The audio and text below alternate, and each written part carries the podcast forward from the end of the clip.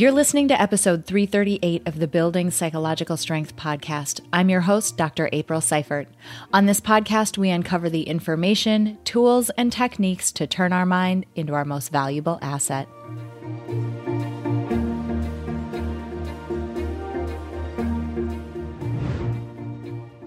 Hey everyone, thank you so much for being with me this week. Welcome to this episode of Building Psych Strength. I'm Dr. April and I'm so glad that you're here. You know, in Peak Mind, the Center for Psychological Strength, we rely on a couple of schools of thought to do our work. One of them obviously is psychology, but the other one is the field of life design. Now, the particular, say, flavor of life design that we tend to subscribe to is one that was put out by the Stanford University Life Design Lab. So, a couple of guys, Bill Burnett and Dave Evans, a few years ago wrote this incredible book called Designing Your Life. They have since followed it up with another book called Designing Your Work Life. They created the Stanford Life Design Lab, which um, it, it basically puts out one of the most, or if not the most, popular courses at Stanford called Designing Your Stanford. And basically, they use the human centered design process.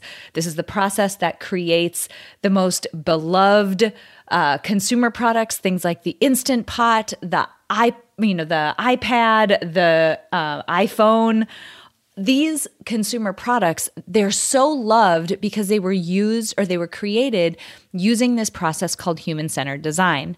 And human-centered design is a process whereby the very first step number 1 always is to it's called empathy. It's to get to know your user. What do they struggle with? What are their goals? What motivates them? What makes them tick? All of those pieces now, in, in consumer products, say the Instant Pot, right? They had to think about who the, the core user of the Instant Pot would be. P.S. It's basically me. It's like a busy uh, woman running a household with probably some kids or a lot of responsibility. Now, they thought about what would her goals be? Okay, well, her goals are probably to create delicious, healthy food for her family without creating a whole bunch of dishes or creating a whole big process around it. And they went through this process of getting to know her and all the barriers to her reaching that goal. And they developed the Instant Pot to help her meet that goal and get over those barriers. Now, that's just a quick example, but the life design process that uh, the Stanford Life Design Lab uses is very similar. They have a very similar step, first step, this empathy step in their process, and they call it the Odyssey. So it's basically where you spend some time crafting a clear picture of what you want your life to look like. It's called your Odyssey. So if you've ever done their books, you've probably written this out for yourself. Now, I revisit this idea of my Odyssey often. And there's a process that I use for getting to a clear picture of that Odyssey. And I had an interesting breakthrough a couple of weeks ago, and that is what spurred today's episode. Basically, today's episode is coming at you from the perspective of sometimes it's hard to know what you want. Or sometimes we feel like we have a good picture of what we want, but that's not deep down ultimately what it is we want. So, today I want to talk a little bit about that notion of crafting the Odyssey and why it's important. And I have a little uh, gift for you to go along with this episode. I wanted to give you a glimpse into the journey that I take, the process that I take when I go in and I connect to my Odyssey myself. I wanted to give you the same tools that I have. So, there is a freebie that accompanies this episode, and I am so excited for you guys to get your hands on it. This freebie is basically a guided visualization that I use all the time on myself, as well as a downloadable workbook. You'll learn more about it as we get into the episode, but I want you to, in your mind or in your browser, bookmark www.peakmindpsychology.com backslash desire. We're uncovering what you truly desire in your life. And that's our goal today.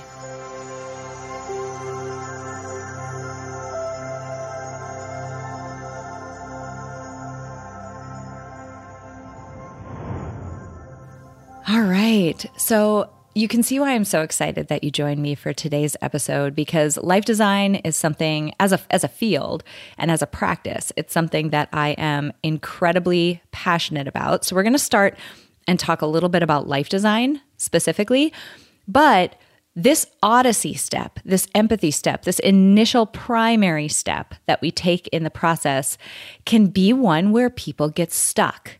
It seems like such a simple question, right? Like, what do I want? But sometimes the most simple questions are not the easiest ones to answer. So we're going to dive in a little bit there. And then I'll tell you a little bit more about the resource that I have available for you. I really highly suggest you go and grab it and then bookmark the page that you get when you sign up for this resource. Bookmark that page so that you can come back and you can do this exercise over and over again. All right, so let's start out with just a little overview of life design itself. It's interesting because you've probably heard me tell this story if you've heard me on other podcasts or or been to a speaking engagement that I've I've spoken at or whatever, maybe even on the podcast, this podcast. But I want to start with why life design is something that is so critical and important to me. You know, most of you probably know I have my doctorate in psychology. And way back when, when I was in graduate school, that's when I truly started to realize how important it was to live life by your own design rather than living it by default or sort of passively allowing things to happen to us. So, when I was very young, when I was 11 years old, my dad passed away from cancer. And he had been fighting cancer for five years. So our family had been turned upside down for a very long time at this point. And I was 11, right? So this was half of my life had been spent in hospitals and you know, dealing with the uncertainty of what might happen to this very important figure in my life. And after my dad passed away, all of the things that you would expect to happen did. We grieved. It was brutal. We spent so much time trying to figure out what our family looks like and how to move through life without this important figure in our lives. We faced financial challenges. It was not easy. I had a single mom who did not go to college herself, who had pretty low paying jobs. At one point in time, we were actually at risk of losing our house. I mean, it was a really difficult time. But that's the thing that everybody kind of expects, right? Like you kind of expect that, man, if you lose somebody that important in your family at that you know stage of the game of course it's going to cause some ripple effects. But what you don't expect are the continued lessons that you learn as a result of that. So i mentioned being in graduate school when sort of the the scene of this story actually exists. I was in graduate school and i was sitting at my desk and I was writing a really large research paper for one of my classes. And I had, you know, research stacks of books and printed out articles all around me. And for some reason, I was procrastinating. That's probably what the reason is. Let's be realistic. But for some reason, I was sitting there and I started thinking about all the things that I wish I was doing in my life that I wasn't actually doing. So I desperately wanted to try distance running, something you uh, guys might also know about me. I've been living with multiple sclerosis for over 25 years. I've experienced two bouts of blindness, a bunch of paralysis, all of that. And there was something about distance running that was like, I wonder if I could. Like people like me with MS are not supposed to be able to do that, but there's really no physical reason why I couldn't right now. And so there was this bug in the back of my mind that I always wanted to try it. And then to add insult to injury, one of my other colleagues in graduate school who was getting her PhD as well, she ran a marathon that year. And that just lit the spark for me. But I was afraid. And I hadn't even started Googling how you start to train for a marathon because here's the thing if I was being honest, I was afraid that I might run slowly or that I might not be able to finish or that I might prove to myself that this was truly something that I wasn't able to do. How sad is that, right? And there was a laundry list of other things that had the exact same bottom line. I wanted to try these things, I wanted to go after them, but I was afraid for a variety of reasons. So, again, put yourself back in my shoes, sitting at your desk, killing it on the outside, right? Like I'm getting a PhD, I'm publishing my own research, I'm running multiple research labs. I look like I am killing it. And on the inside, all I can think about is the stuff that I wish I was doing. And on the inside, all I could think about was how I didn't want to be a research one professor. I wanted to go into more of an applied route with my research. So, all of this together put me in a position where I was like, I feel like I'm living somebody else's life. And for some reason, I was sitting at my desk and I remembered my dad. And this question popped into my head that changed my life forever. And that question was what would my dad give to have the opportunities that I'm wasting right now? Like, if my dad could come back, if he could be here, would he worry about running too slowly? Or would he just be grateful for the opportunity to try? Would he worry about disappointing his doctoral committee? Or would he realize, no, this is my life. This is my one and only shot at being here. I get to make myself happy. I don't need to live for these other people. That sounds a lot more like what a person who truly realizes how finite and precious their one life is that second part sounds a lot more like what they would say. And I sat there and I contemplated that.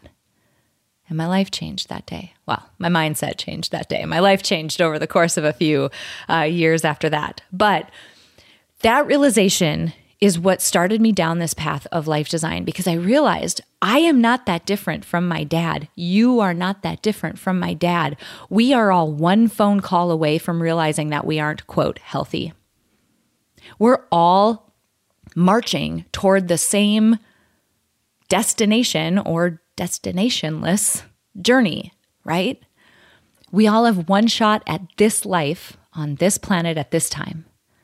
No matter what you believe happens before, after, you know, this experience that we're having, we have one shot here. And I realized that I wanted to make the most of mine.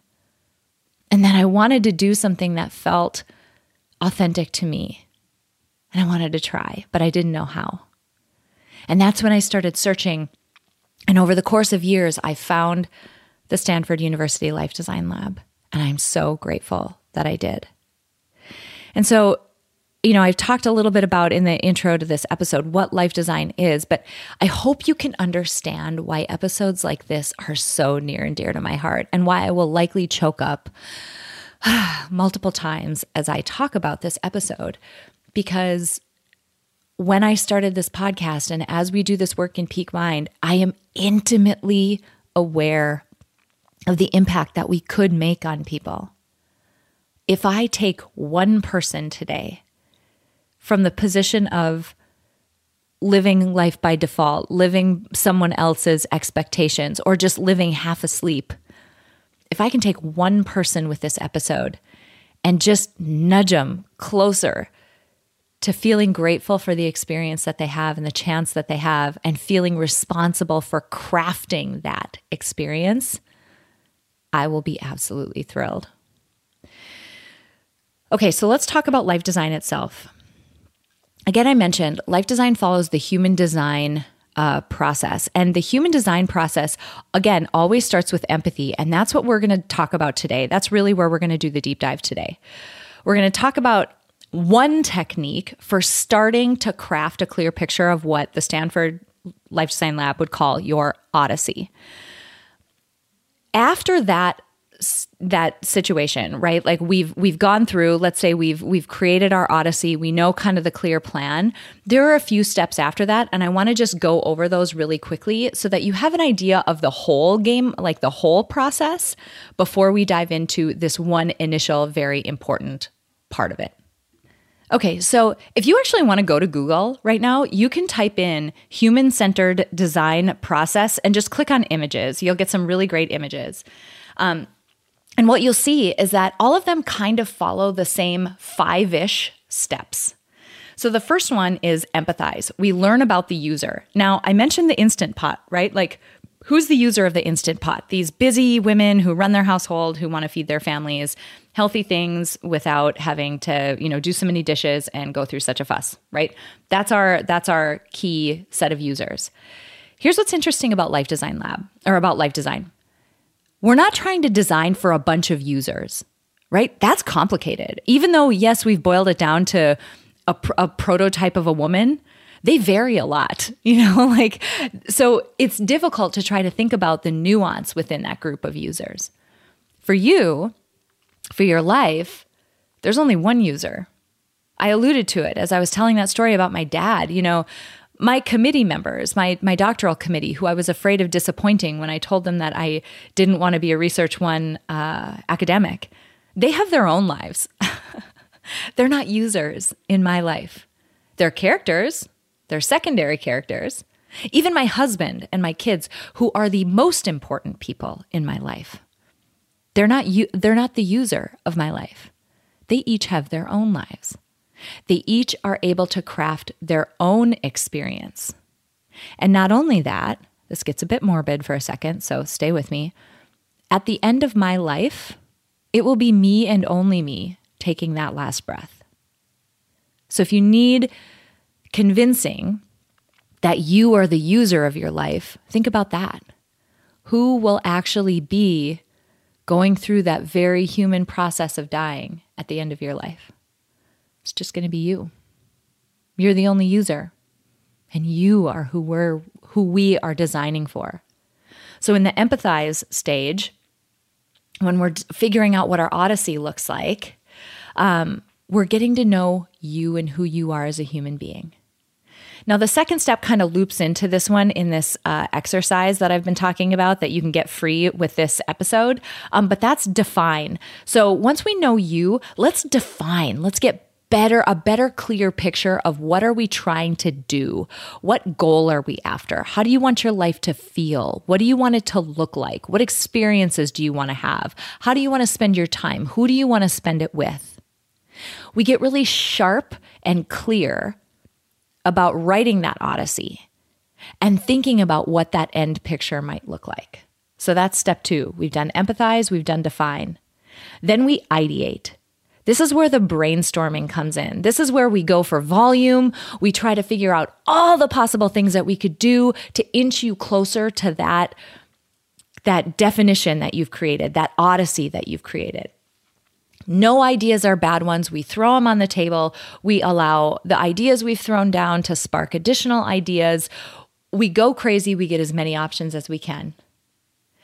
And then we start to prototype prototyping or experimenting is where we take the ideas that float to the top, the ones that look like they're the best ones that we have. We winnow it down and we say, How can I test this? I don't want to go all in. There's no reason to go too crazy here.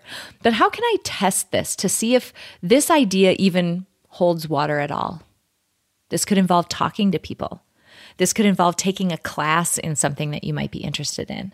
This could involve doing just a trial run of something that you're interested in. But we're going to prototype. And then we're going to we're going to test or evaluate. How did that feel? Did it stack up to how I thought it would? Which parts of it did and which parts of it didn't? And then that that evaluation stage feeds right back into ideating, experimenting, and evaluating again. So you enter this feedback loop where the idea is that no loop through the system between ideating, prototyping, and evaluating is going to be the be all end all. But you're going to continuously refine and refine and refine and inch your way there. So you should feel some freedom, right? You don't have to have all the answers. You don't have to do it perfectly. This is by nature and by design a messy process, and it gets cleaner as you go. It's an exploratory process. It's a process that helps you solve something called a wicked problem. A tame problem is what engineering helps us solve. Uh, engineering, in, in, contrast to design, which is what we're talking about now, engineering helps solve problems that have known outcomes. I want to create a car that has emissions below a certain threshold. We'll know it when we see it. We can measure it. It's concrete. We just have to engineer our way there and we know when we're done. Wicked problems, there's no known outcome. We don't know what the right answer is. We're trying to feel our way through the dark and figure it out. And that's where design comes in. That's where this messy process comes in.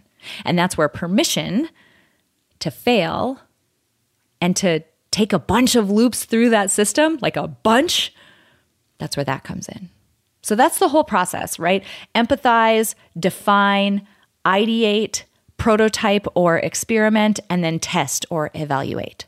Again, if you go to Google, Google human centered design process, click on images, you'll see a whole bunch of them if you're a visual type person. Now, I want to dive into this idea of the Odyssey, the Odyssey part of life design, or the empathize and define stages.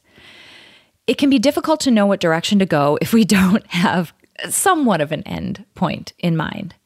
Now, I've already said doing this exercise that I'm offering you free, if you go to peakmindpsychology.com backslash desire, uh, this is something I do on the regular. You know, I feel like I get kind of blown off course once in a while. I do this exercise and sort of repoint myself in the right direction. I've gone through one of those iterations of the testing and evaluation, and I'm like, huh, how do I feel? I go back and I do this exercise, and it helps me do some of that evaluation and determine was that a yes or a no? How do I feel about that? So, this process that I want to talk about, it's really a great way of using visualization as a practice to get an idea of what it is that you really want. Now, in previous episodes, I'll link to them in the in the show notes below, but in previous episodes I've talked about different types of meditation. There's the what I call eat your vegetables meditation that is literally just mind training. You're training your mind to stay in the present moment. That isn't actually what we're talking about in this episode. In this episode, uh, visualization is a way of getting a good picture and a good feel of what that end result that you're after might be. So in this visualization, I'll, you know, guide you through an experience where you'll ultimately end up in a location. You'll be have an, have the opportunity to ask some questions and feel into the answers of them. But here's something that I want to uh, encourage you to do. Enc- I encourage you to spend some time after the visualization, and this is what the workbook is for. Spend some time after the visualization really deepening into okay there was this this vivid picture of what i'm after of the life i'm after. What is it about that life that i'm after? And now i'm going to give you i'm going to give you a concrete example from my last session. This is what happened to me a couple of weeks ago i went through the same visualization that i'll give you for free in that download and um, at the end of it you know, I always have this clear picture of what basically the house that I visualize is, and the lifestyle, and what I'm doing, and what I'm eating, and what I'm wearing. And I can see all of that, right? But in a lot of cases, there are aspects of that end result that are not possible right now. They just aren't. I mean, flat out, I have two very young kids, and some of the things that are in that visualization are just not possible on a regular basis in my life right now. But what I found is that I started probing into why I wanted those things. What is it about it? It isn't, in my case, the house. It wasn't the activities necessarily. It wasn't the food or the clothes or the anything. It was the feeling. It was the feeling of ease and spaciousness. And that was interesting because so many times we can get caught up on the tangibles that we're after, but that's an intangible, right? It's an intangible, but it's also something that I can start to flirt with and cultivate in my life right now. No, I cannot have the hobbies and activities that this, you know, end result person has. Not right now. It's just not realistic. But the feeling around them, the feeling of ease and spaciousness, I absolutely can cultivate that. I started putting more ease into the way I move there's no reason why, if my kid asks for something, for example, that I need to get up and rush and go get it.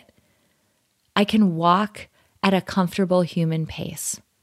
And it's amazing how the movement of our body signals to our mind that we are at peace and at ease. So, this is something, again, this has only happened a couple of weeks ago for me. So, it's something that I'm still playing with. I am literally in one of those feedback loops of ideate, prototype and experiment, and test and evaluate. But it wasn't until I used this Odyssey or used this visualization and probed further that I had this new experiment to run in my life. And that's what I want for you. I want to give you a gift that allows you to get a clearer picture of what you want your life to look like, what you know, how you want it to feel, all of those pieces, but then some tools for probing to figure out okay, yes, that's what you want, but what do you really desire? What is really at the heart of it? And that's what I hope to help with with this free download and this free visualization that goes along with this episode. One more time, that uh, URL is peakmindpsychology.com backslash desire.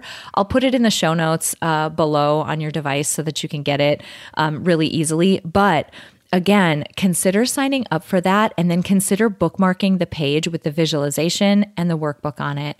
Because again, this is something that I come back and I do at least twice a month these days. Um, and I found that I get a deeper level of self awareness and clarity every single time I do it. So, friends, please, please take a lesson from that version of me that was in graduate school who realized how precious life is, who realized how important and critical the time that we have here is, and who realized what a big responsibility you have, that I have, that we all have in crafting our own experience. Please make the decision to live by design and not by default. And take me up on this freebie. You have nothing to lose. Try it, see what comes up, and then shoot me an email and let me know what happens. Info at Peak Mind Psychology. I totally want to hear what happens as a result of this. All right, hang with me for a second. I'll be right back. I want to talk about just a couple of other resources for you if you want to take this even deeper, and then you'll be on your way to discovering what you truly desire.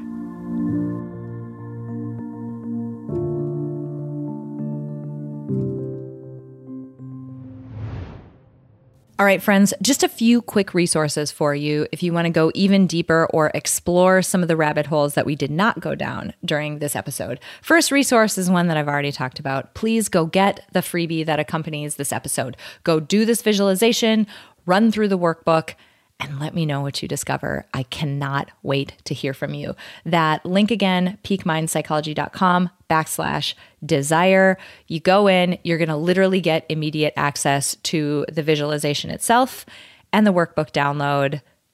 Email me for real, info at peakmindpsychology.com. I want to hear what comes of it. Second resource that I want to talk about I mentioned earlier in this episode the difference between mindfulness meditation and visualization. I actually did an entire episode on those differences and why we might use each of them. And one of the things I mentioned is that visualization can be really useful in the life design process, which is what we're doing today. But if you want to know, like, okay, well, when do I use each? When do I use this mindfulness meditation and what does it do for me? What's the goal of it? And then when do I use visualization, like what you'd get in the freebie with this episode? Um, and what's the end goal of that? This episode does a good job of sort of teasing those things apart. So that is linked below in this episode description as well. It's episode 316. Um, so excited for you guys to uh, dive in there.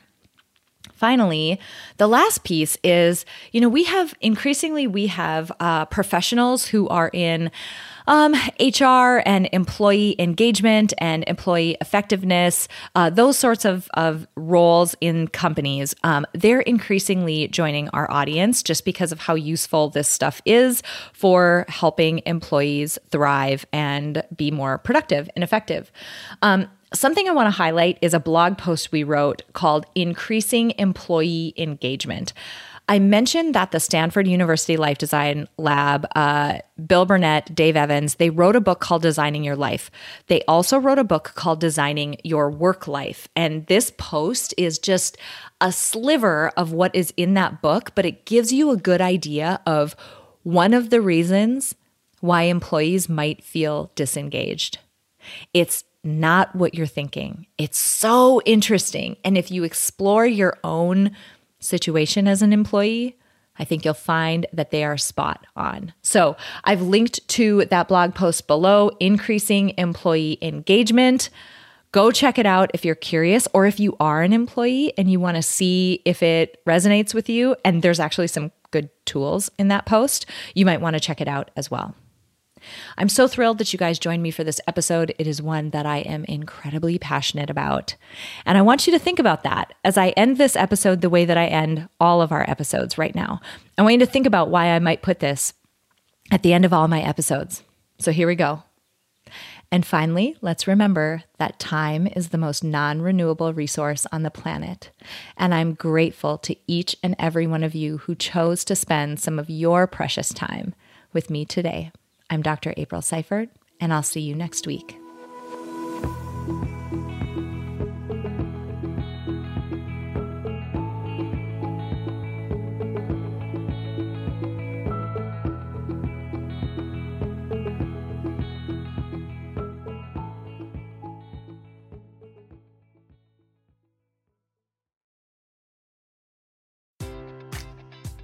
Enjoy all your favorite sports like never before at BetMGM. Sign up using code CHAMPION and receive up to $1,500 back in bonus bets if you don't win your first bet. When you register with BetMGM, you'll get instant access to a variety of parlay selection features, live betting options, and the best daily promotions in the business. And with BetMGM at your fingertips, every play and every game matters more than ever. Remember to use code CHAMPION and receive up to $1,500 back in bonus bets if you don't win your first bet. Place your money line, prop, or parlay bets with the king of sportsbooks today. BetMGM and GameSense remind you to play responsibly. See BetMGM.com for terms. 21 plus only, Virginia only. New customer offer, subject to eligibility requirements. Rewards are non withdrawable bonus bets that expire in seven days. Gambling problem? Call 1 800 Gambler. Promotion, promotional offer not available in Washington, D.C.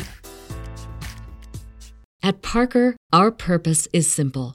We want to make the world a better place by working more efficiently, by using more sustainable practices, by developing better technologies. We keep moving forward. With each new idea, innovation, and partnership, we're one step closer to fulfilling our purpose every single day. To find out more, visit parker.com/purpose. Parker, engineering your success.